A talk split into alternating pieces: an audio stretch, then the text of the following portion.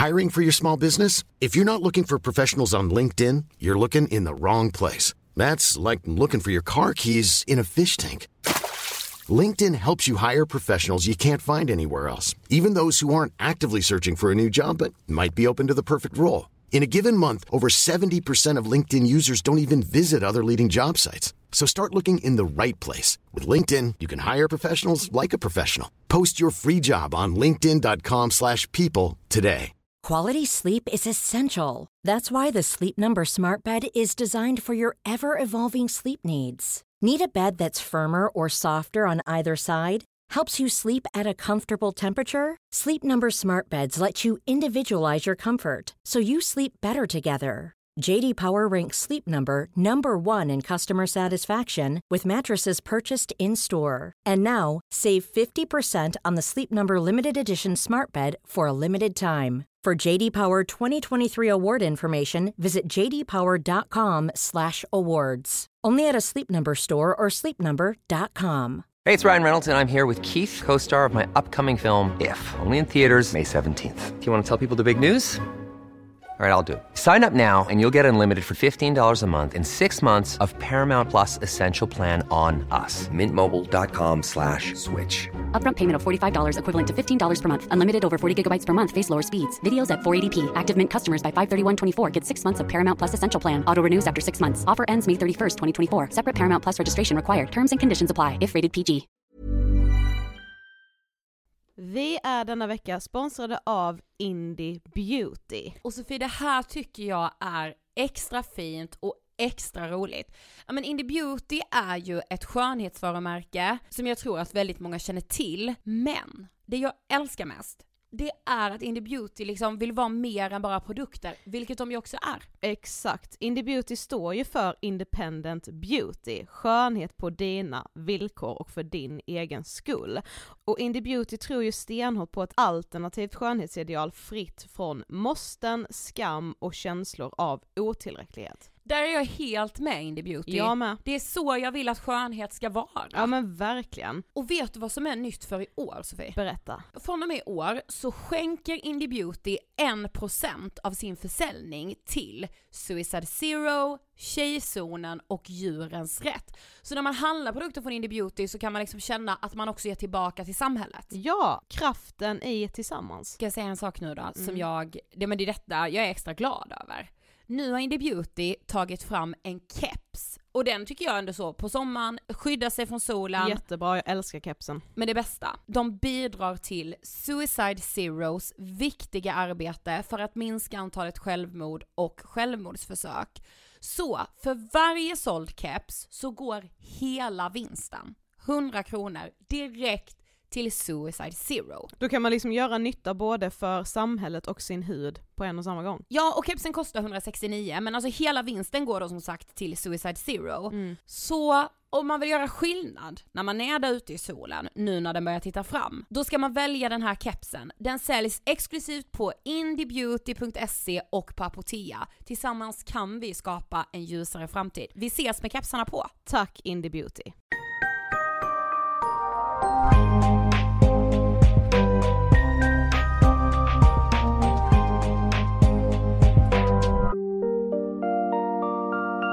Hej allihopa och välkomna till avsnitt 430 av Ångestpodden. Hej! Mår du bra? Eh, ja, det gör jag väl. Men jag mår väldigt bra av det här avsnittet vi släpper idag. Jag med. Eh, för vi har ju liksom med oss eh, en idol. Får man ändå säga ja. Och nu är han här för andra gången i Ångestpoddens historia. Diamant Salihu. Ja, just nu aktuell med sin nya bok När ingen lyssnar. Jag, min, eller så här, nu vill jag ställa frågan till dig Sofie, vad var du när polisen knäckte Encrochat? Men liksom, det är inte riktigt ett sånt moment. Nej, Däremot minns jag ju hela rapporteringen kring just den här krypterade chatttjänsten. Mm. Den blev ju också föremål i kidnappningen av rapartisten Einar. Mm. Eh, det kommer vi prata om idag. Ja det blev ju att vi pratade lite grann om eh, dels kidnappningen men också lite om Encrochat redan förra gången Diamant gästade oss för då hade han ju, då skrev han ju tills alla dör, Mm. eh, eller hade skrivit och i slutet av den boken så kommer han ju in på det här så den här nya boken nu är ju verkligen en fortsättning på den första boken. Och jag är så stolt att vi liksom får göra den här typen av avsnitt i Ångestpodden just för att det här präglar vårt samhälle så enormt mycket. Ni har ju såklart märkt under våren att vi har tagit upp gängkriminalitet på olika sätt. Sen vi gjorde poddserien så har vi liksom inte velat släppa det ämnet för att det känns, ja men dels så präglade hela vårt samhälle väldigt mycket. Det finns också en så stark koppling till ångest i det här. Eh, för idag kommer vi också prata om de kriminella kvinnorna, tjejerna som inte har tagit så mycket plats tidigare i diskussionerna.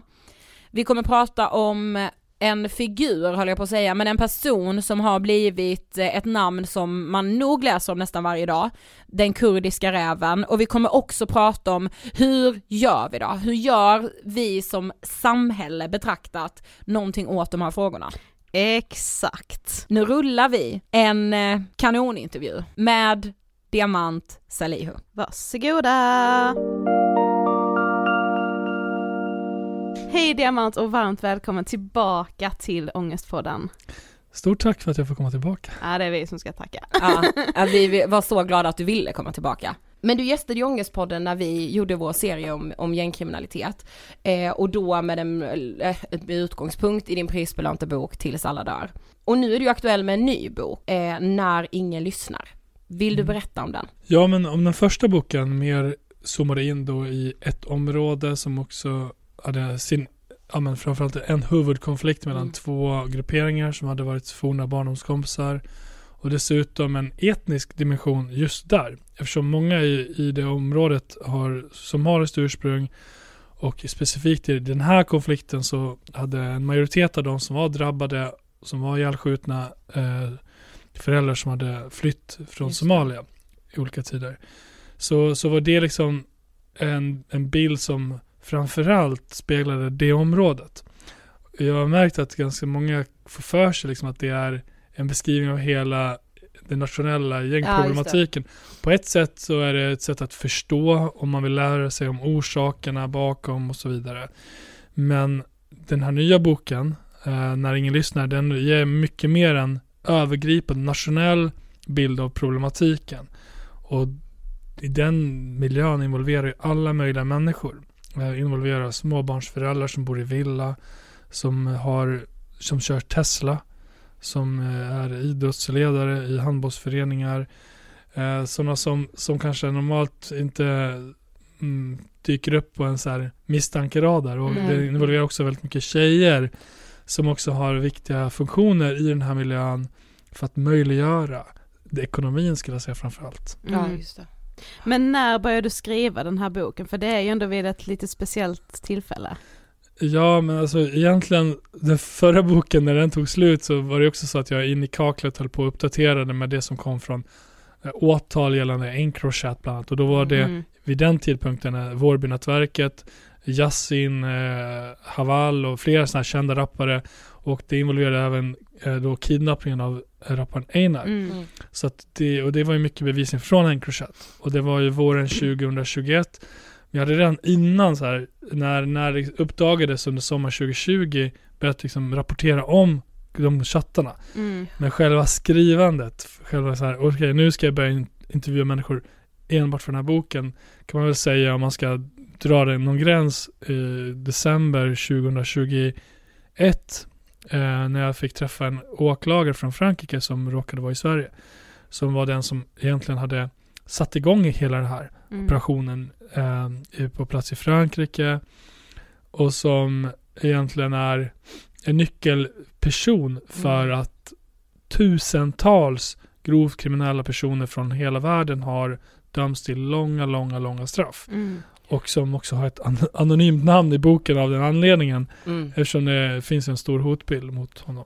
Men jag tänker, alltså många som lyssnar har ju säkert både läst och hört talas om Encrochat. Men vad är det för någonting? Alla som kanske använder typ WhatsApp eller Signal eller Wicker för en Mm. delen. Wicker, om några av era lyssnare kanske har beställt eh, cannabis, kokain eller ecstasy, vilket jag tror att en hel del har gjort, Mm. för det är ganska så vanligt, mer Exakt. vanligt än vad man tror. Det är ju en gratis app egentligen där man tror att man kommunicerar krypterat. Men eh, eh, Encrochat eh, v- var en sån tjänst som ett företag eh, skapade. Och där man liksom marknadsförde det som att det var en, den supersäkra kommunikationen där ingen myndighet i världen kunde komma åt den, det man skrev till varandra. Det var som att prata i ett slutet rum eller typ i skogen Mm. och viska till varandra i örat. Men eh, Eh, och det, det var ju där många kriminella, alltså eh, tus, runt tusen, eh, om jag minns rätt, från Sverige bara, som hade olika alias, där man då betalade ungefär 15 000 kronor per halvår för att betala för det här abonnemanget. Det var ju dyrt, så det var inte Aha, vem som mm. helst, var inte de här smålangarna som kunde använda det, utan eh, det var egentligen, det fångade upp ett mellanskikt, lite ledande personer som hade, sådana som var, hade mer ekonomi i ruljans Mm, kopplat till mm. kriminalitet som be- verkligen behövde för att planera mord, kidnappningar och så vidare, och sprängningar. Så det, det var många ledande personer. Mm. Men det, så det var så dyrt då att använda, att använda Encro? Ja men det blir ju som Ja. en företagstjänst liksom. Ja, en företagstjänst Ja. för kriminella. Ja, precis. Eh, och den här utredningen börjar ju liksom att man utreder företaget som tillhandahåller ett Mm. verktyg som används för brottslighet. Mm. Och sen har man då genom det börjat liksom avläsa data från en server i, som fanns i Frankrike och då kan man det genom en fransk lagstiftning på något hemligt sätt som de inte har velat avslöja. Mhm. Och, och är, det har liksom så här bara fångat in alla som har skickat meddelanden till varandra genom de här telefonerna. Som har, allt som har gått via den servern har då fångats upp under Mm. 73 dagar. Mm. Så satt då poliser, och för att svensk polis kommer in i det här så småningom då, så de kunde i princip i realtid se att här planeras ett mord. Här ska någon spränga den här adressen. Här skickas 13 kilo kokain från den här platsen till den andra platsen. Mm. Så att det var ju en, en helt, de poliserna som var med och ledde allt det här tyckte att det var som att Pandoras ask hade öppnat sig. Ja. Mm. Men som sagt så var det ju en fransk åklagare som blev lite som en huvudperson i hela den här knäckningen av Encrochat. Alltså hur gick det till och varför just där och då? Det var just för att eh, servern fanns eh, i, i en serverhall i, en, eh, norr om Lille. Jag vet inte hur man uttalar det. Men det eh, är ju någon liten fransk by som man aldrig har Ja. talas en fransk stad och sen är det utanför den franska staden. Och så den här åklagaren jobbar liksom med brottsrelaterad, organiserad brottslighet egentligen, den typen av fall. Och sen hamnade det på hans bord. Mm. Och det är en ganska ung åklagare, han är i 40-årsåldern. Mm. Så här snaggat hår, ser ut som en rugbyspelare nästan. Ja, men så här, otroligt lugn och sansad person som då får det här på sitt bord och eh, börjar liksom det här, eh, ja men så här, be- begära tillstånd att få bedriva det, hemliga tvångsmedel Just det. mm. Mm. kopplat till den här servern. Och får det enligt fransk lagstiftning. Man kan inte göra på samma sätt i Sverige ska man bara komma ihåg. det. Mm. För, för eh, ja, det här är liksom någon form av, det har beskrivits av advokater som någon form av massavlyssning, massavläsning. Så det har ju Mm. kommit jättemycket kritik då Mm. i samband med det här. Och eh, det har jag också märkt när jag har, jag har ju intervjuat ett hundratal personer sammanlagt för den här boken. Mm. Många poliser men också jättemånga eh, då, dömda kriminella, efterlysta, sådana som är på fri fot fortfarande. Ja. Och jättemånga av dem som är då kriminella är ju otroligt kränkta, provocerade, arga över, över att man har använt sig av de här metoderna som man tycker är liksom är eh, en rättsskandal. Ja. Eh, Men svenska domstolar eh, har bedömt att oavsett liksom, om det skulle varit ett olagligt sätt som man har kommit till, till fått det här till sig så eh, gäller då enligt den svenska eh, reglerna något som kallas för den fria bevisföringen och bevisprövning. Så allt som kan komma till en domstol som används som bevisning så måste domstolen avgöra om det är relevant eller inte. Mm. Jag tänker om att någon gör inbrott någonstans så hittar man eh, bilder på någon som utför ett mord eller våldtäkt. Så i USA om du skulle då tränga dig in i någons hem utan husrannsakan och så vidare så skulle, finns det då helt andra regler för vilken bevisning man får använda. Men i Sverige Ja. så, så måste man bedöma det som att ja, men det här är relevant. Mm. Det visar ett brott tillsammans med annan stödbevisning ska jag säga. Mm. Men, Ja, men ja, det här är då från ena sidan, från polisen är det som en som är liksom en Pandoras ask Mm. som öppnar sig för, för de kriminella så är det en rättsskandal. Men det minns jag också när det började skrivas om det just, alltså, alltså advokater då som verkligen tyckte att så här, nej nej nej det här är, man har gjort så liksom intrång Ja. det, det minns jag ändå. Men hur ser det då ut för liksom Encrochat i Sverige, alltså hur, hur ser användningen ut? För visst är det så att Sverige nästan sticker ut? Ja, det fanns då eh, runt 60 000 användare runt om i världen. Eh, och eh, enligt de uppgifter jag har fått så, så har man då kunnat eh, konstatera att ungefär ja, men 900, kanske nästan uppemot 1000 om man ska förenkla det lite, eh, har någon form av koppling till Sverige. Så alla har, har inte då varit fysiskt i Sverige. Nej. En del av dem har befunnit sig i Spanien, i Turkiet, i Marocko och så vidare. Mm. Och så vidare. Eh, men ungefär tusen har koppling till Sverige. Och de är otroligt våldsbenägna. Och det var ju det som också gjorde att Sverige blev introducerade i det här från början. För det var, det var några andra länder som var inblandade. Och eh, då satt det liksom då analytiker på Europol som fick det här materialet till sig då. Och bara läste och då hade de något programvara, AI-programvara Mm. som egentligen Mm. sökte efter nyckelord, typ murder eh, och så vidare eh, på engelska. Och kunde få liksom så här i det här, tänk dig miljarders meddelanden ja. liksom som swishar förbi. Och så ska de liksom så här försöka identifiera sånt som är threat to life, som är då pågående risk för att någon kan bli mördad Mm. Ja. som de ska förhindra på olika sätt. Eh, Men den här analytikern då, en finländare, eh, hade som ansvar att försöka hålla koll på de nordiska språken. Och han bara såg hur det poppade upp svenskar hela tiden som där skickade kartbeskrivningar och eh, bilder på personer. Alltså så här, här pågår det mordplaner. Mm. Lite hela tiden. Mm. Och, och som låg på jättemycket då internt inom Europol för att introducera svensk Så- polis. ja. Så att det finns ju en, en liksom hjälte i det hela och det är en finländare Mm. eh, på Europol som, som faktiskt eh, har bidragit till att förmodligen rädda, rädda liv i Sverige. Men hur blir det då för den svenska polisen när de får tillgång till det här materialet? Ja, men till en början så sitter de ju först med lite underrättelser och det, det är eh, mordplanering som sker i Västerås mot en känd gängledare. Eh, sen är det någon bild, eh, förlåt, sen är det nå- någonting annat som sker i, i Skåne och då är det eh, kopplat till liksom att man, eh, man tror att det ska vara någon hämnd för ett mord på läkaren Caroline Hakim. Mm. Jag vet inte om ni kommer ihåg det, men 2019 så, så stod det skyttar utanför en adress i Malmö och då kom då en, en kille som är i gängkriminella miljön Mm. ut med sin sambo och deras nyfödda bebis. Eh, eh, de var ute efter honom. Han, han hade då barnet i famnen, släppte det under, under flykten. Eh, någon skytt följer efter honom samtidigt som mamman då går upp och bär upp barnet och ställer sig på en trottoarkant och bara skriker mot de här skyttarna att de ska sluta. Mm. Eh, och då närmar sig en av skyttarna henne och bara skjuter henne rakt i huvudet fast hon håller sitt barn i famnen. Eh, avrättar henne.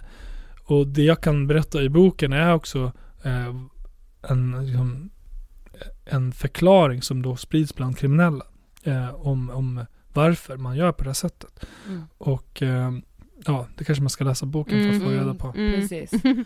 Ja, ja, det minns jag också, men också läsa det i din bok, alltså det är, man, alltså det är så liksom avgrundsdjupt sorgligt. Ja, det är det att mörkaste ja, men det, som- det är verkligen det, Ja. att det liksom kan ske.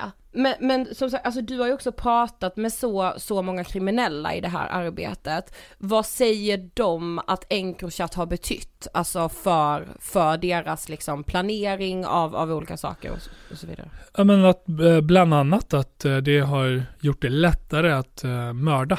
Mm. För att man har inte behövt liksom se sitt offer i ansiktet. Man har kunnat vara på plats eh, långt ut, alltså i ett annat land och bara Mm. skicka instruktioner till någon person.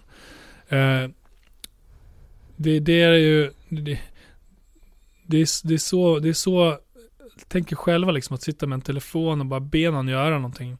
Och du behöver inte se konsekvenserna av det. Nej, behöver inte ens vara i närheten som sagt. Alltså, Mm, nej, och det är det, som, det är det som man har använt sig av i det här tillfället och man har också utnyttjat jättemånga barn. Det är mm, flera sådana exempel där, men i ett av fallen då i Järfälla eh, så, eh, så är det liksom en kille som man vill göra sig av med. Flera kriminella planerar det här och de lyckas hitta en 16-årig skytt eh, via dödspatrullen. Och det är en kille som flyr från ett HVB-hem i Dalarna och eh, kommer ner och går fram till den här killen och, när han står och vän- väntar på bussen och skjuter nio skott efter honom. Flera av de här skotten träffar. Och det sista skottet, eh, då berättar den här killen, han överlever sjukt Mm. nog, men Ja. han berättar hur han bara ligger ner och tittar upp och räcker upp tror jag, sin högerhand Mm. för att det är så, så här, be om nåd. Man Mm. har knappt någon röst kvar eh, och då kommer det sista skottet. Det dödande skottet, men som fastnar i handen. mm, det är som att hans hand fångar kulan liksom. Ja, det, den killen eh, borde ni för övrigt prata med. Han, Ja. han har ju verkligen så här, efter det här, eh, vänt på sitt liv helt och hållet.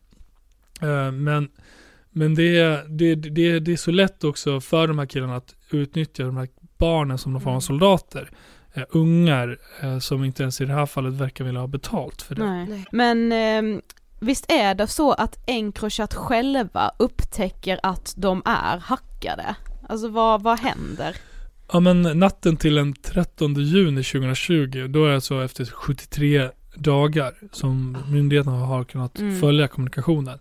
Så skickas ett meddelande ut till alla användare att eh, en myndighet har liksom trängt in i deras eh, då, Mm. eh, server. Mm.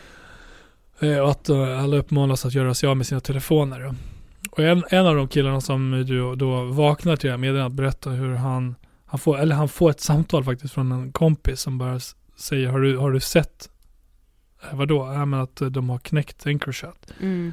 Och han är så, det är så här tidigt på morgonen, han bara reser sig upp ur sängen, eh, samlar det, det han har liksom så här för att kunna ta sig därifrån så fort som Mm. möjligt. Han eh, hinner inte ens ta med sig extra kalsonger berättar han. Eh, han är så stressad så han säger han att han bajsar blod. Mm. Eh, och eh, åker iväg till en plats där han möter upp några polare och eh, där de slår sönder den här telefonen Mm. i bitar och sen får en kompis den här, de här spillrorna av telefonen och dumpar någonstans då eh, som, som han uttrycker det eh, vart hamnar den? Jag frågar. Ja, men någonstans i jordens mitt. Mm. Eh, så att det är en otrolig panik eh, Mm. bland de som är som, som inser att oj, nu ligger jag pyrt till. Mm. För Och många bara har jävlar vad vi har varit ärliga här i chatten liksom. Ja, men alltså det är, det är ganska många som det- alltså, det har ju gått rykten under, under den här tiden. Det- har det gjort länge. För att Mm. det är en del andra konkurrerande motsvarande tjänster som, som jag också skriver om. Eh, som, det- som, som sprider rykten om varandra för att du, de vill äga marknaden Ja, för att tjäna pengar på det. Mm. Så att en del eh, har ju de har insett att en del har blivit gripna på konstiga Ja. sätt. Mm. De bara, hur fan, hur kan det komma sig? Hur, Ja, hur, kunde, hur kunde hur, kunde, hur polisen kunde polisen vara vara där vid just den tidpunkten? Mm. Ja. Men, ja, men så kan det vara. De har tur ibland. Mm. Eh, Någon Ja. hade varit lite slarvig typ. någon alltså. har varit slarvig, så man hittar alltid ursäkter. Mm. Men, men nu inser de ju att, oj, nu, nu, vad har jag skrivit egentligen? Ja. Hur länge har de kunnat följa? Vad kan de se? Mm. Du vet, alla de här frågorna. Eh, och, och samtidigt ska man veta att om man då kliver in i polishuset under den här proc- processen så är det eh, ot- alltså så här, otrolig ångest Ja. bland polisen under den här eh, fasen. Eh, flera berättar för mig hur de alltså, sitter hemma när de har gått hem för dagen, öppnar upp sina datorer, loggar in för att se vad som skrivs. Mm. Är det, finns det några uppdaterade chattar? Mm. Eller har jag missat någonting i det Mm. som skrevs? Vad var det, vad betyder det ordet egentligen? Alltså, Ja för visst var det också så att polisen fick ju inte göra några ingripanden så länge det inte var hot om livet. Alltså de kunde veta att nu sker den här knarkhandeln men jag får inte göra tillslag för då kommer de Nej. ju fatta att vi har knäckt. precis. Alltså, ibland kunde de ju skicka lite underrättelser till personer Ja. bara, som inte fattade vad det var. Utan Mm. bara, oj, ja, ja, visst vi gör ett ingripande. Ja. Men de fick liksom inte agera på annat. Så då var en otrolig frustration, ångest över att de skulle missa ett mord. Ja, när de alltså, hade den här, fan. när de ändå visste att det här kommunicerades på chatten. Ja. Eh, och, och varje morgon vaknar de liksom till att bara s- scrollar på sin telefon, bara vad har jag missat? Har jag någon skjutning, sprängning Mm. som har skett? Är det någonting som jag hade kunnat förhindra? Mm. Eh, Så det här tär otroligt mycket på de poliser som, som jobbar med det här. Och man ska veta också att i flera fall så när polisen har då insett att det är otroligt stor hotbild mot vissa personer i den här miljön så har de tagit beslut att gå fram och informera om det. Ja. Och bara varna dem och erbjuda någon form av hjälp. Mm. Och jag, alla utom ett fall av de som jag har kunnat hitta, eh, där har då svaret blivit från de kriminella, nej, jag vill inte ha din hjälp, eller Mm. jag är ingen golbög. Mm, Mm. just det.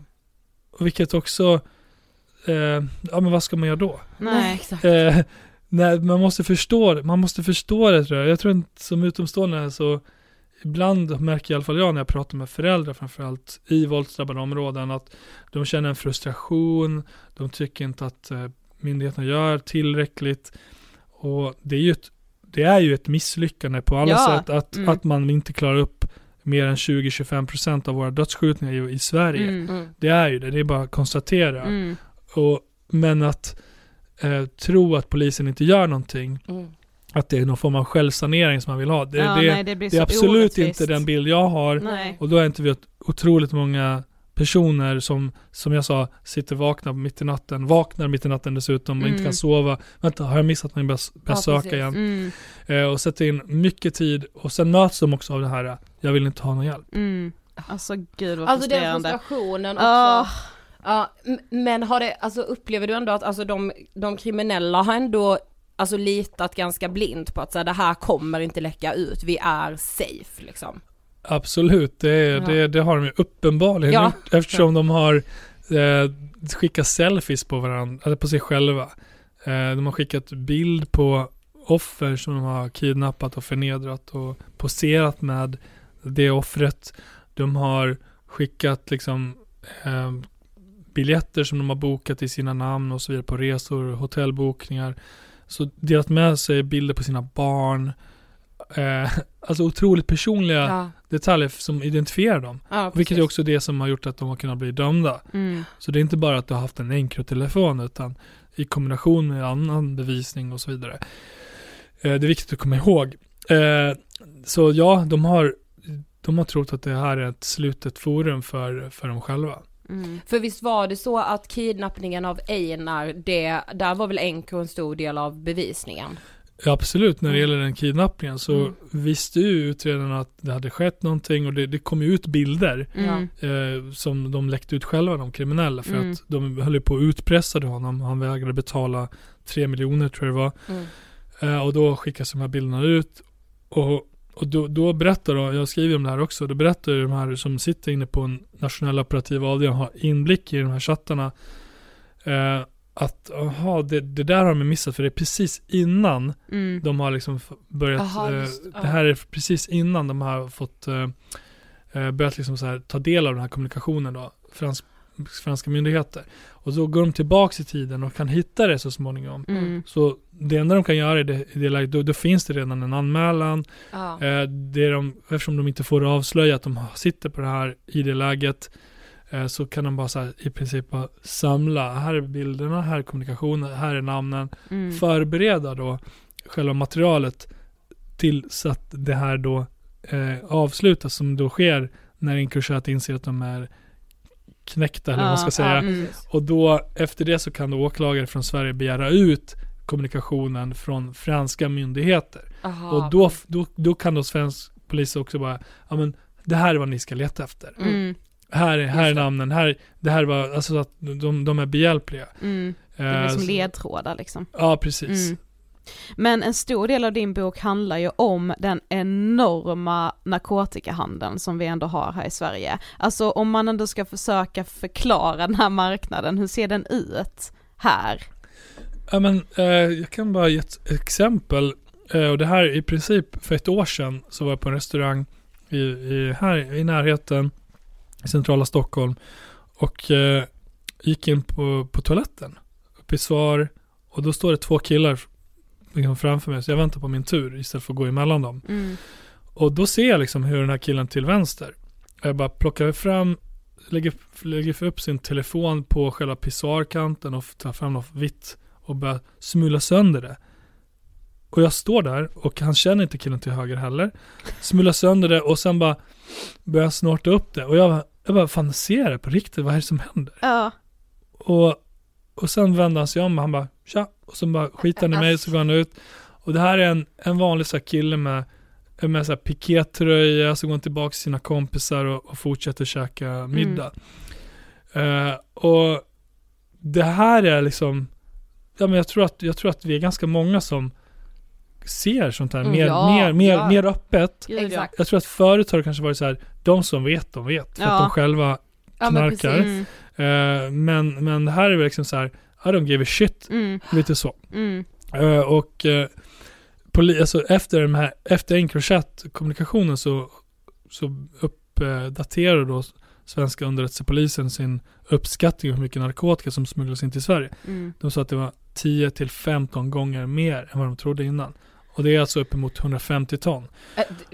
Alltså är Sverige är inte bara liksom ett land för att smuggla för att det finns mycket konsumtion utan det är också ett transitland. mm. Och mycket går ju vidare till Norge, Mm. en del till Finland och till och med på export till både Australien och USA via postorder. Men varför är det så då? Varför, varför har Sverige blivit ett sånt land som man går via för att sen smuggla vidare? Eh, för att skandinaviska länderna, vi har ju en god ekonomi. Vi betalar eh, typ tusen spänn per gram kokain. Mm. Eh, och eh, det är ju mycket pengar. Och eh, ju närmare liksom, om du, om du ska köpa, nu vet jag inte exakt vad priset är i Belgien, men Belgien och Nederländerna är liksom de stora portarna, de har stora hamnar. Ja. Där det för övrigt gjordes eh, 160 ton kokain i beslag förra året. Det är ett rekord, trots de här chattarna. Så trots allt de här, alla de här gripna bossarna så är det rekordmycket kokain som kommer till våra hamnar. Alltså det är jag kan så inte- jävla sjukt. Jag Nej. har så svårt att förstå. Ja. Ja, Alltså jag blir helt Mm. matt. ja men, men, men okej om, man, om man då tänker, okej det är jättemycket som pumpas in på olika sätt så mycket av det kommer ju såklart hit också. Eh, och det är ju, alltså det är ju otroligt tydligt eh, för de som kanske läser boken eh, att, eh, eller lyssnar på den för den delen, men att när jag har intervjuat de som är kriminella som har sålt otroliga mängder narkotika och som också är inblandade i dödsskjutningar och frågat men finns det en koppling mellan Mm. Alltså så här, kö- att narkotikan och våldet och då är svaret ja. Ja.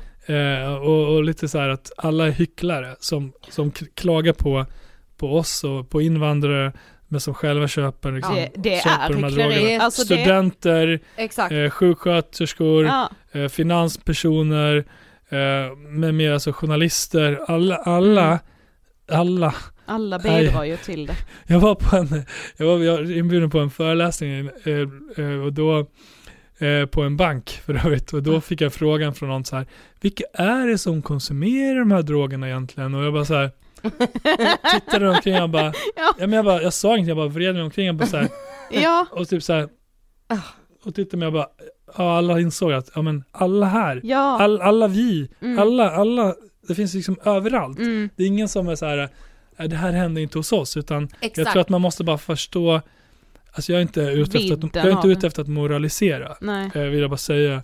Men, men jag måste bara, vi Jag- kan jag göra bara- det. Ja, nej men, nej men alltså jag är bara realist där, att Ja. alla känner vi någon Mm. eh, som, som har liksom ett missbruk eller Exakt. som, som rättfärdigar för sig själv att man kan eh, snorta kokain, röka på av tusen olika skäl. Mm. Eh, och att jag tror att man bara ska förstå att när man gör det, så de pengarna som du betalar kommer på något sätt hamna i händerna på de som också håller ett vapen Ja. Exakt. och använder det vapnet och ibland så eh, träffas eh, Adriana 12 år, Ja, eh, Caroline Hakim Mm. är mamma, eh, Shayan Gaff, lärarstudent, eller eh, eh, eh, den här Fredrik Andersson på Delta Gym som var i Mm. Stockholm. Precis. Alltså det, det, det skadas inte bara personer som, som kanske för många lyssnare är kriminella, farliga och så vidare.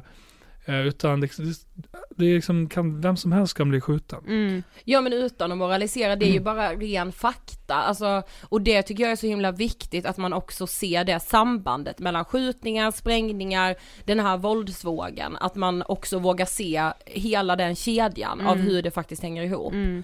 Eh, men alltså jag kan inte heller släppa det här med alla de här ton, alltså så hundratals ton, jag är liksom fortfarande där i mitt huvud. Nej men, och detta sa vi till dig nu innan, men något som också chockade oss när vi läste, eh, och som även chockar polisen när de liksom får chattarna och allt, det är de kriminella eh, tjejerna och att de är så många fler än, än vad man kanske hade trott. Vilka är de här tjejerna? Ehm, ja, vilka är de? Det, är, det, är, alltså det finns ju såklart massa flickvänner. Mm. Och jag vet sådana som är partners som är, lever helt vanliga liv, ska jag säga. Mm. Eh, som på något vis eh, får ihop det. Det kriminella, partnern och det här vanliga parallella livet. Men sen finns det då såklart eh, tjejer som är aktivt ganska ofta. Man ska ju inte tro att det här är naiva personer. De vet exakt vad de gör. Mm. Mm. Eh, och något som är ganska vanligt är att man är kurir. Det vill Mm. säga, man får betalt för att eh, typ köra bil, åka tåg, åka buss till en adress, hämta narkotika och köra tillbaka ge till kunderna. Varför är man då en intressant person för de kriminella? Jo, för att eh, man går lite under radarn. Mer än om man är en, en kille med utländsk bakgrund och eh, stora loggor på sina kläder. Som kanske är det som är eh, för många poliser liksom så här på deras radar. Nu ska Ja, vi ta den här typen av killar. Tyvärr är det Mm, så. mm. Eh, och eh, tjejer har ju också, inte, inte bara kurirer, men de erbjuder sina bostäder till att eh, förvara narkotika, vapen eh, och annat. Gömma killar som är på rymmen eller som alltså har skjutit någon och så får de ligga lågt där ett tag. Och eh, de är också goare. Mm. Eh, det vill säga tjejer som I'm Sandra, and I'm just the professional your small business was looking for. But you didn't hire me because you didn't use LinkedIn jobs. LinkedIn has professionals you can't find anywhere else, including those who aren't actively looking for a new job but might be open to the perfect role, like me. In a given month, over 70% of LinkedIn users don't visit other leading job sites. So if you're not looking on LinkedIn, you'll miss out on great candidates like Sandra. Start hiring professionals like a professional. Post your free job on linkedin.com/people today. Life is full of what ifs. Some awesome, like what if AI could fold your laundry? And some, well, less awesome, like what if you have unexpected medical costs?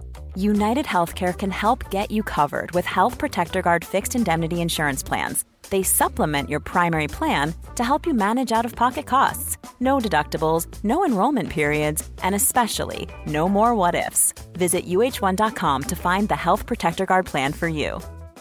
Quality sleep is essential. That's why the Sleep Number Smart Bed is designed for your ever evolving sleep needs. Need a bed that's firmer or softer on either side? Helps you sleep at a comfortable temperature? Sleep Number Smart Beds let you individualize your comfort so you sleep better together. JD Power ranks Sleep Number number 1 in customer satisfaction with mattresses purchased in-store. And now, save 50% on the Sleep Number limited edition Smart Bed for a limited time. For JD Power 2023 award information, visit jdpower.com/awards. Only at a Sleep Number store or sleepnumber.com.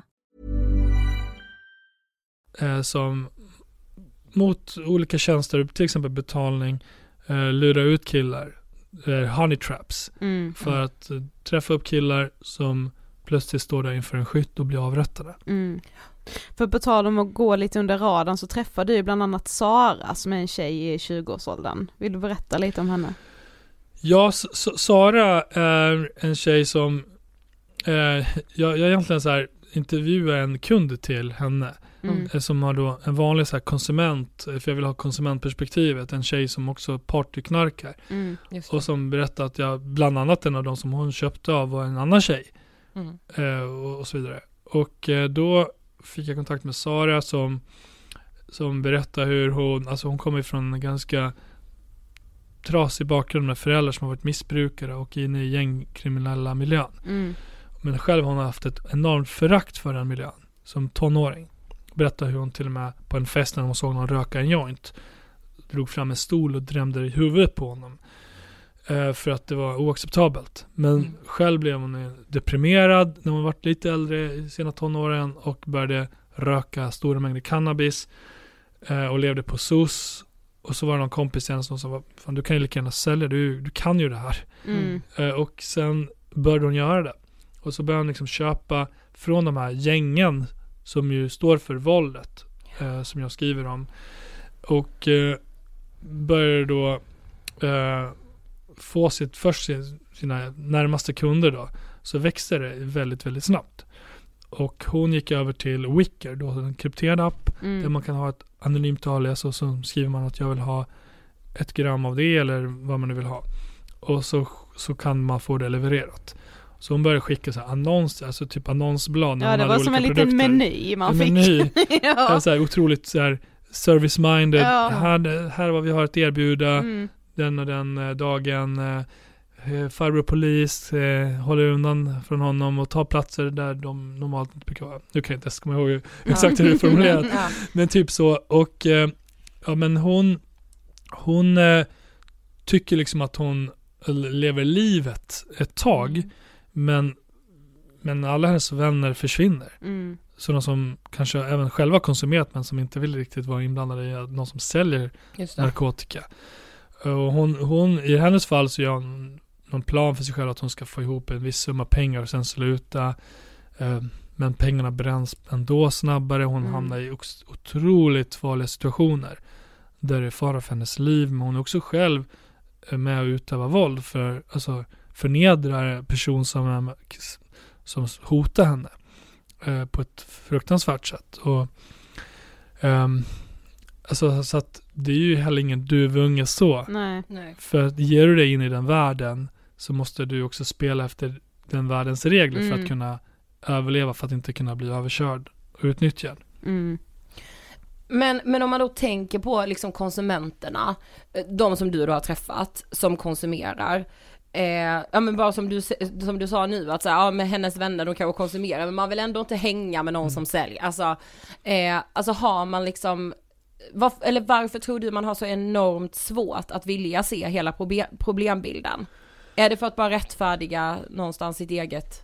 Ja, absolut. Mm. Men som eh, jag intervjuar en socialarbetare som Ja. jag kallar för Maja, som jag frågar precis det och hon säger ju liksom att hon, men hon själv inte kan göra skillnad i det stora. Mhm. Att vad, vad, vad gör det för skillnad om jag slutar? Mm. Alltså, jag tror att många tänker så. Mm. Att man själv inte gör någon skillnad. Mm. Eh, men, men hon har liksom också börjat reflektera mer eh, allt eftersom. För att hon jobbar ju dessutom i det här fallet med unga personer som själva missbrukar. Ja exakt. Det, det, det, men jag tror att vi har, Ja, men- den här dubbelmoralen har ju, har ju verkligen ätit upp henne inifrån. Ja. Eh, och eh, så många rättfärdiga tror jag på det sättet att man, vad kan jag göra? Mm. Mm.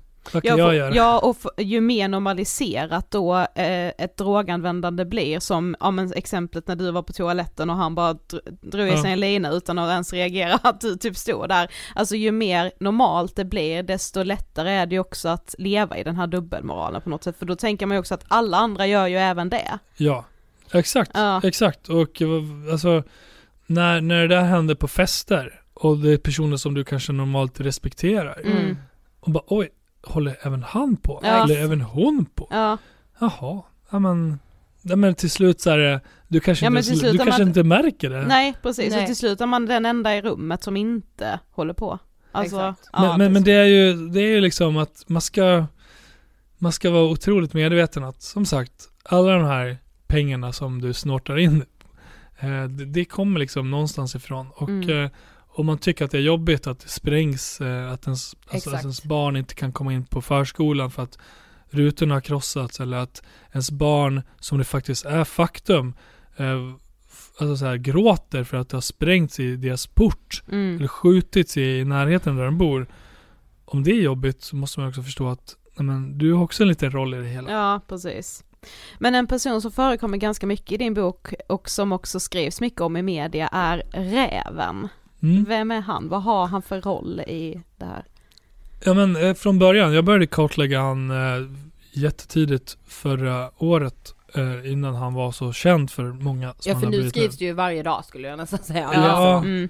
verkligen. Och det som jag tyckte var intressant med just honom då var att jag ville, det var så mycket våld i de här chattarna redan. Men Mm. jag ville också visa det här narkotikaspåret. Mm. Och i hans fall så hade han då enligt all massa domar så pekades han ut som någon form av organisatör, någon, någon ledare för ett nätverk som hade massa lagerhållare som, där man förvarade narkotika, personer som såg till att det kom lastbilar från bland annat Nederländerna med olika preparat som smugglades till olika platser som mellanhänder i olika funktioner från olika delar av samhällsskiktet Mm. eh, hanterades. Så Det var otroligt stort nätverk av personer. Och det tyckte jag var intressant för att just också för att visa till de som faktiskt bara har den här naiva bilden att det här är bara förortskids. Exakt. Att det är ju eh, många som har väldigt etniskt svenska namn som har företag och tjänar massa pengar på de Mm. företagen men som också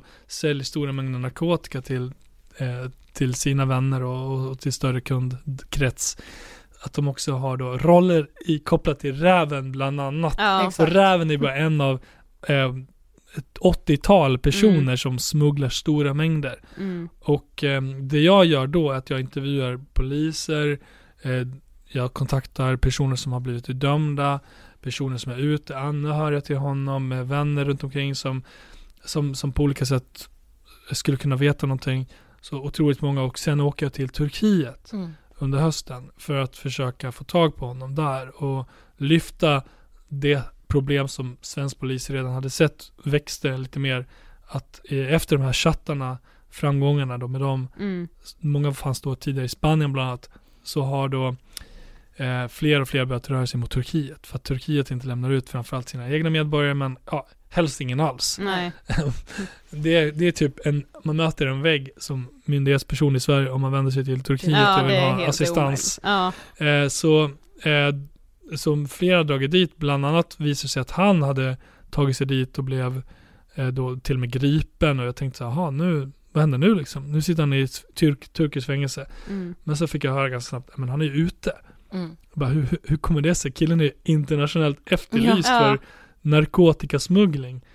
Och, och så jag, jag varit otroligt intresserad av att försöka få reda på det och eh, ja, så det, det, det, det skiljer ju också lite närmare. Mm. Men varför eh, omskrivs han så mycket? Alltså varför har han blivit en person som man läser om varje dag?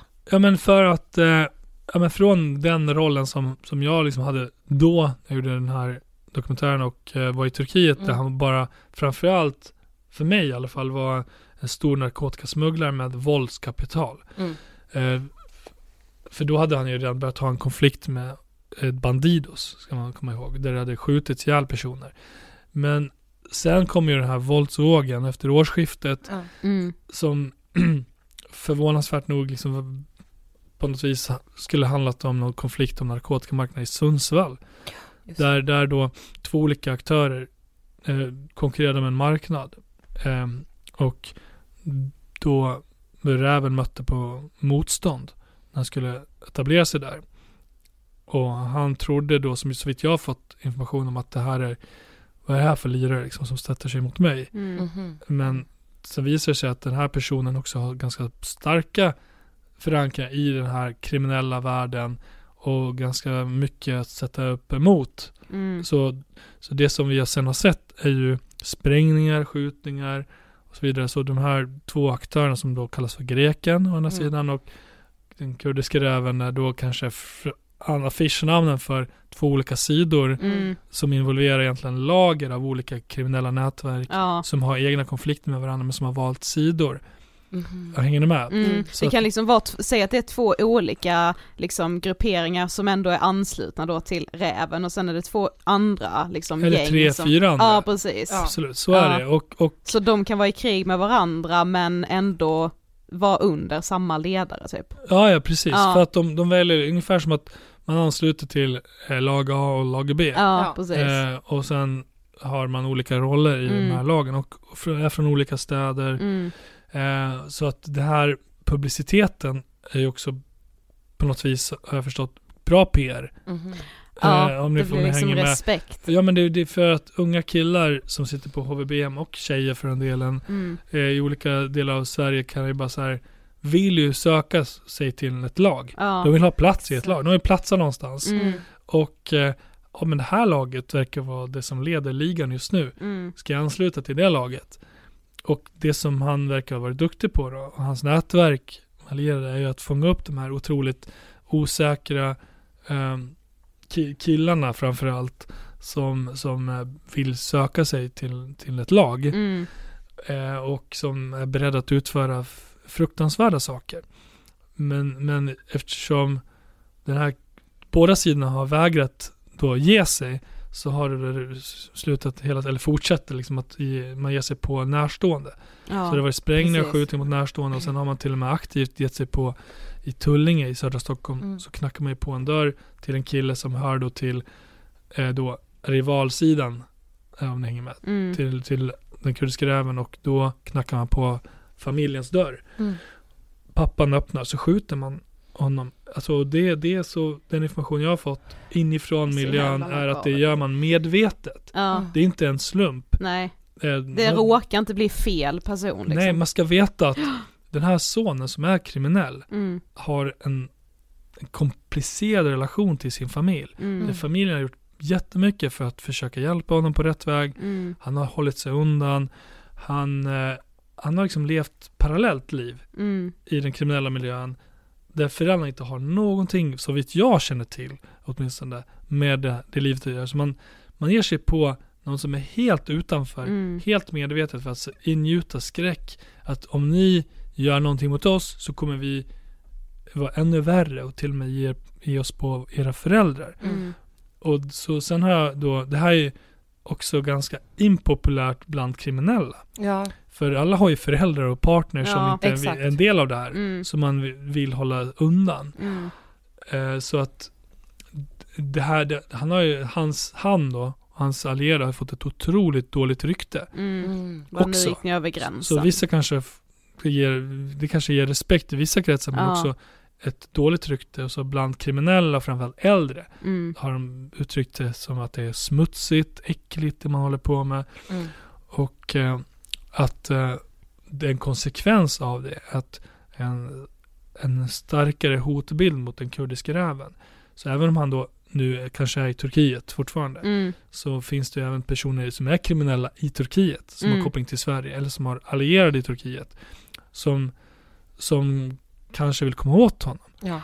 Så att det är ju, eh, den kriminella världen är inte bara, kretsar inte bara kring Sundsvall eller Stockholm, utan Nej. den är internationell. Ja. Eh, och eh, eh, man vill liksom inte ha en trend där det blir normalt att man skjuter varandras familjemedlemmar. Nej.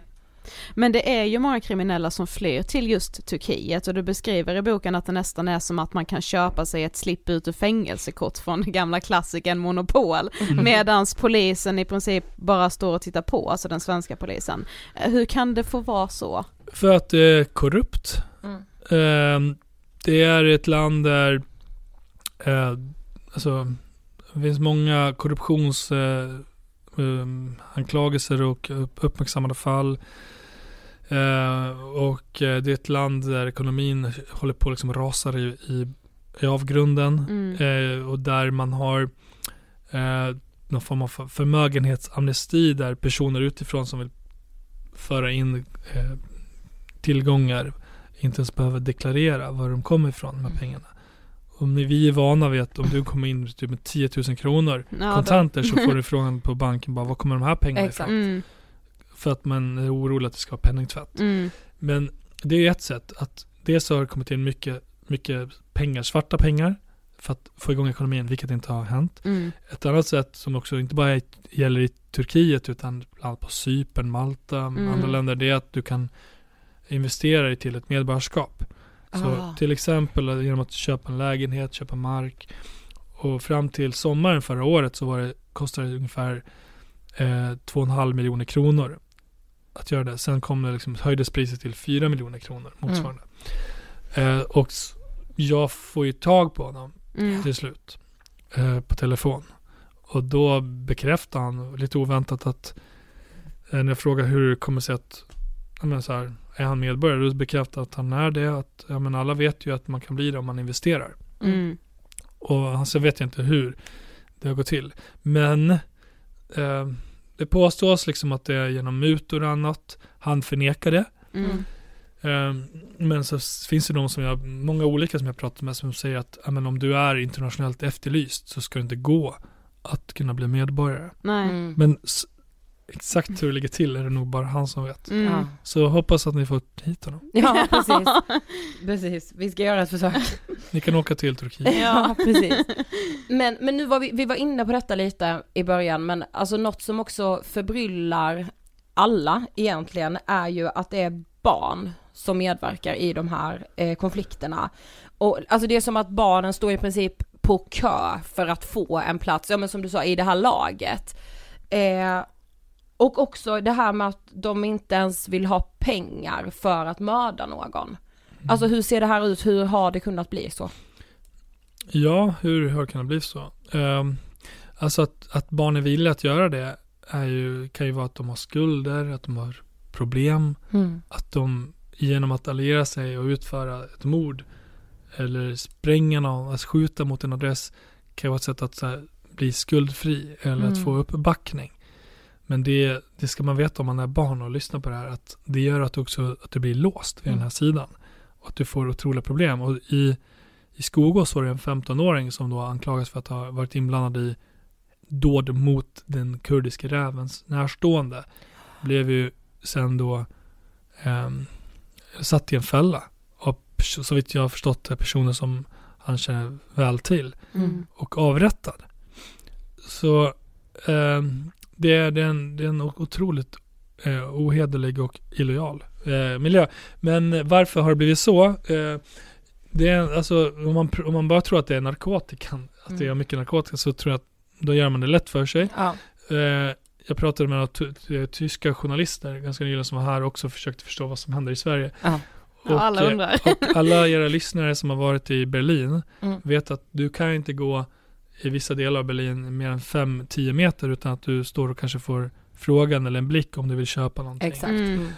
Så att konsumtionen är stor och jag skulle säga min bild av att ha rest runt i mitt jobb och bott i England bland annat är att snarare Sverige blir mer som resten av världen Mm. när det kommer till konsumtion.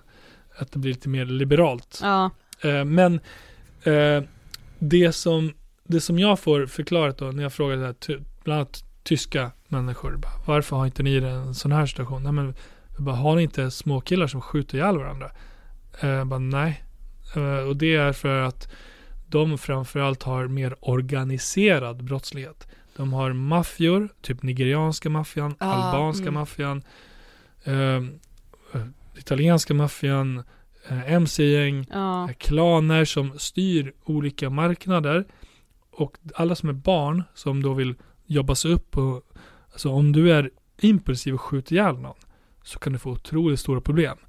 Du, det, det är inte bra för affärerna. Så den, de som är uppifrån reglerar då vad som får och inte får göra så att Ja. de som är, okej, vill bli kriminella, vill söka sig till den här miljön, kommer då indoktrineras under en längre väg Mm. men kanske börjar med småtjänster som så småningom kanske övergår till att vill du vara en torped? Men okej, varsågod. Här är vapnet, men då är du mer färdig mentalt Mm. än att du är en, ett barn Mm. som inte knappt vet hur de ska hantera en pistol som det är i Sverige. Eh, så den organiserade miljön gör att det blir också mer reglerat. Eh, I Sverige har vi inte det, förutom kanske enstaka undantag som i typ Göteborg. Mm. Där det fortfarande finns här struktur. Vi har färre dödsskjutningar i Göteborg. Mm. Bra uppklarning, hyfsat bra uppklarning på 50% och enligt polisen där är det ibland för att man är otroligt närvarande, man, man, är liksom, man pratar och säger tjena och hallå till alla Mm. eh, kriminella och man ska känna igen alla barn för att man är otroligt närvarande. Det är förklaringen jag har fått. Mm. Ja. Och, och eh, sen är det kanske Södertälje som ett liknande exempel där eh, det finns en stark närvaro, har funnits länge och man pratar om svart eh, ekonomi och infiltration och allt det där.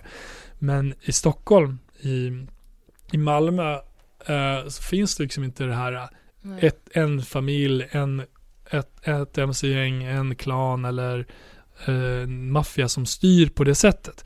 Så det är oorganiserad brottslighet och nu genom de här chattarna så har man ju också tagit bort alla då ledande personer eh, som är väldigt många och då är det kaos. Så Ja. en, en syster till en av dem som är ihjälskjutna säger att det är som är huvudlösa kycklingar Mm. som, som springer runt. Och jag tycker det är ganska talande. Ja, Ja. verkligen. Ja för när Encrochat liksom knäcktes så hade ju många en förhoppning om att så, nu blir det ordning och reda liksom, men paradoxalt nog så eskalerade istället våldet efter det här. Hur kunde det bli så? Ja, men jag, jag tror att det, jag landar i det utifrån alla de här intervjuerna. Mm. Att eh, det är liksom att det har blivit så ett kaos just på grund av att de ledare som fanns eh, har låsts in. Mm. Och då är det liksom tonåringar och andra personer som har funnits i periferin som nu måste ta, ta plats. Och det ska formas olika konstellationer. Det finns interna konflikter, man bryter sig ur från lojaliteter. Och, och det leder till en massa skjutningar. Mm. Och samtidigt så, det som händer nu har vi då personer som är i utlandet, som den greken som sägs vara i, typ, i Sydamerika just nu. Mm. Och sen är det den kurdiska räven som båda befinner sig utomlands men och tillsammans med andra ledande personer men man har massa kids Ja. här som är beväpnade som man pumpar in pengar till och ge- ger uppdrag och så här, ja men du får 100 000 för att göra det och så vidare. Så att dessutom så nya, nya liksom så konstellationer som försöker då ta över Ja. eh, makten. Mm. Eh, så man kan ju säga att i, i boken så pratar jag också med högt uppsatta poliser som, som är lite självkritiska till att Mm. ja, men det här med chattarna, självklart skulle vi ingripa Mm, så som vi mm. gjort. Men samtidigt så borde vi också ha förutsett att det här skulle få konsekvenser. Mm. Alltså i form av våld, i vad som skulle komma fram i när man, när kriminella själva läser chattarna. För i Mm. Sverige blir ju utredningar offentliga. Ja, precis. Eh, samtidigt som, så här, vem ska ta hand om alla de här som vill ta plats? Ja. Var finns kommunerna, socialtjänsterna, skolorna, Mm. lokala områdespolisen? Mm. Vad har, hur säkerställer man tryggheten för att andra aktörer ska kunna jobba på ett säkert sätt och fånga upp? Ja, personerna. precis. Allt kan ju inte vara polisens ansvar. Nej, eh, så det är ju, och föräldrar, hur, Ja. Ja, alltså för- föräldrar. Precis. Jag tror att man, alltså jag, jag var häromdagen inbjuden till en förening för oromo-svenskar. Mm. Mm. Eh, och jag hoppas inte jag sa fel nu, men det är i alla fall en Nej. etnisk Mm. folkgrupp från Etiopien Ja. som, som har som är otroligt, de är, inte, de är typ runt 20 000 i Sverige men de har drabbats av dödsskjutningar, då, barn som är inblandade i dödsskjutningar och som är otroligt oroliga för att det, det som har hänt i Järva Mm. Mm. ska drabba deras familjer, deras barn, det som händer i samhället i stort. Och, och det är liksom så här, eh, föräldrarna har ett enormt viktigt ansvar också. Mm. För att eh, min bild eh, och deras bild själva, de som jag träffar, är ju att många föräldrar inte kan språket. Mm. Om man du pratar om personer som har utländsk bakgrund. För det här involverar såklart också en massa medelklassbarn, Mm. etniskt svenska föräldrar. Men, men den gruppen som kanske framförallt bor i våra utanförskapsområden, Mm. eh, som följer nyheterna på sitt hemlands språk, Mm. eh, på TikTok och Facebook istället för ja, de, de traditionella svenska medierna. Mm. Och som liksom luras av konspirationsteorier om att barn blir kidnappade Ja, Ja, socialtjänsten. av socialtjänsten, av allt det där. Och att polisen vill att barn ska ha ihjäl varandra. Mm. Det finns sådana, jag fick sådana frågor. Eh, och och det, man måste bara förstå att vi lever liksom i sådana bubblor Mm. I det här landet och väldigt åtskilda från varandra. Och det som bland annat diskussionen där handlade om med de här föräldrarna var att ja, men ni föräldrar, ni kan liksom inte tro att någon annan kommer rädda era barn utan ni måste själva också Mm. lära er språket så att ni hänger med vad som Mm. händer här. Mm. Och ta hjälp av de föreningar som finns som kan hjälpa er att förstå, eh, få stöd tidigare, vart ni ska vända er. Mm. Mm. Eh, men också, eh, ni, alla vi måste dela problembeskrivningen. Mm. Är något jag har lärt mig av de här Ja. två böckerna är att eh, föräldrarna har en problembeskrivning som kanske är väldigt naiva, väldigt mycket förnekelse. Mm. Eh, socialtjänsten har en bild som är kanske tunnelseende, polisen har sin bild Ja. Och sen har skolan sin bild. Mm. Ja, ja. Och Det är killarna, liksom inte en och, så gemensam här, bild. Vad är problemet? Ja. ja, exakt. Och så här, vad är, om vi tar ett område, vad är problemet i det här området? Har vi skjut, är, är det dödsskjutningar eller är det hedersproblematik? Är det Mm, psykisk ohälsa? Hur tar vi tag i det? mm. Inte så här att börja bråka om, eh, vänta nu, du sa ju sådär. Nej, Mm. precis. Eh, Alltså- vem bryr sig vad jag Ja, sa? precis. Eh, eh, det dör Jag kan faktiskt. skita i de exakta formuleringarna för det dör. Alltså jag blir så, jag blir bara arg nu när jag, Ja. så här, så här, håret reser sig på mig. För att jag är så jävla trött på den, den typen av, eh, så här, men, men, man bara, jag bryr mig inte. Nej, De här föräldrarna bryr sig inte. nej. Det är bara en liten klick människor som börjar bråka om helt irrelevanta saker. Ja. Mm. Eh, och, och det är så Och tydligt. vissa när av de människorna köper också droger. Ska ju, Ja, alltså, Ja, och ja, men man bara säger jag vill vinna godhetspoänger Ja, för att jag ja. har en åsikt.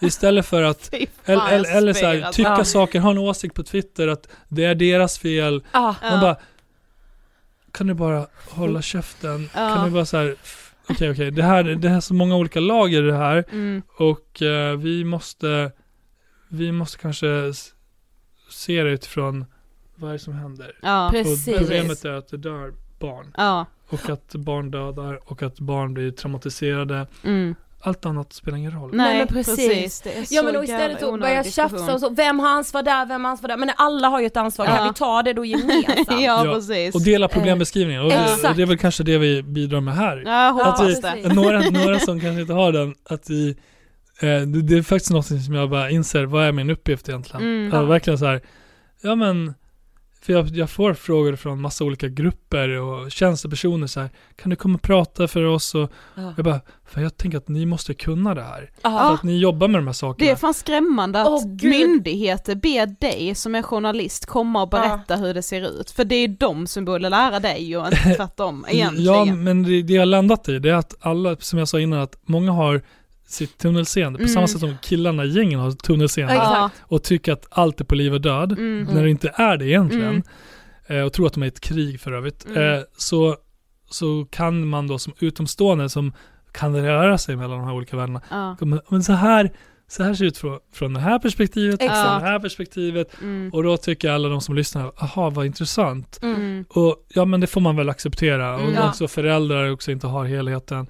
Men att, att det som jag tror är sjukt viktigt, att man kan bidra med här, att vi alla lägger liksom så här fakta på bordet. Bara, det här är vad vi vet. Mm. Så här ser det ut i det här området, Rinkeby, under de här förutsättningarna.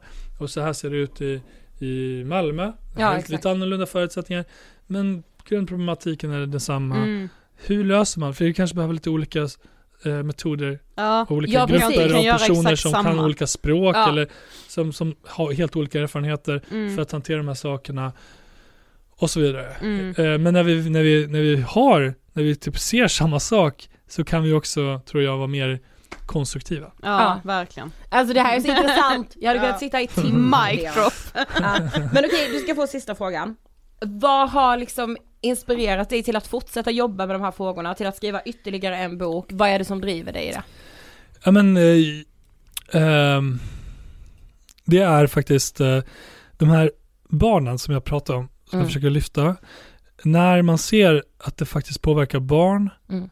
när man ser att de som eh, som bor i de här områdena där det skjuts och sprängs inte kan formulera en tanke om vad de ska göra sin, med sin framtid Mm. och vad de ska göra i, när de blir vuxna för att de tror att de ska dö. Eh, då blir då blir det liksom en eh, det väckarklocka för mig men också eh, en sån eh, ja men så här, varför ska jag göra det här? Jo men okej, upp, uppenbarligen räcker det inte att förklara på det sättet. Utan man måste fortsätta förklara och förklara och träffa nya grupper och eh, hjälpa alla människor att dela den här problembeskrivningen.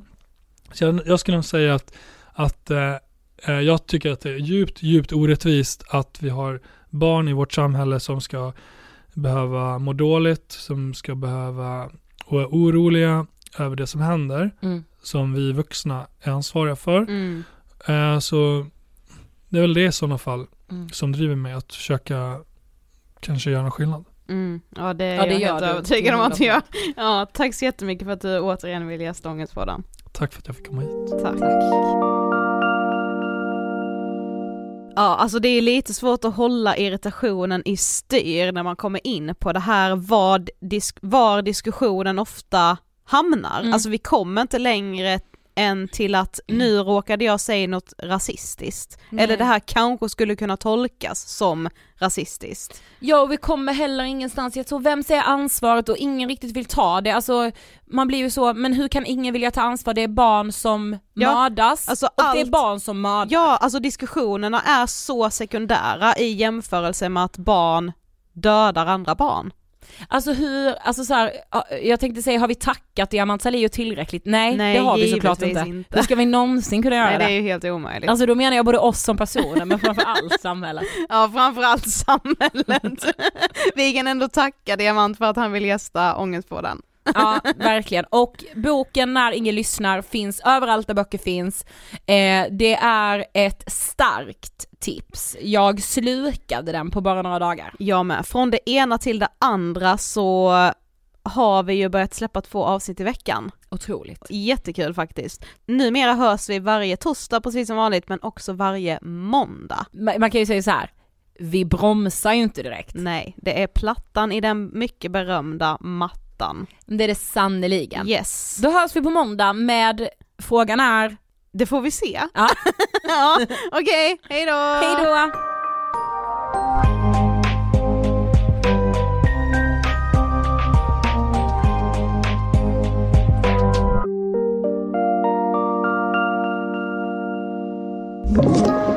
Podplay